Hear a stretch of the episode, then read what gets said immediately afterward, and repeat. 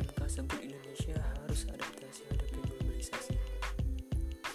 Majelis Effendi mengatakan, Indonesia harus beradaptasi dalam menghadapi globalisasi, serta membekali generasi muda untuk menguasai teknologi.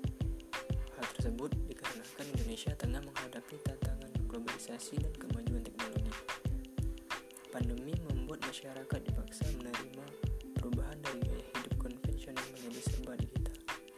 Salah satunya dampak peran tentara adalah di dunia pendidikan. Pandemi telah mempercepat inovasi penerapan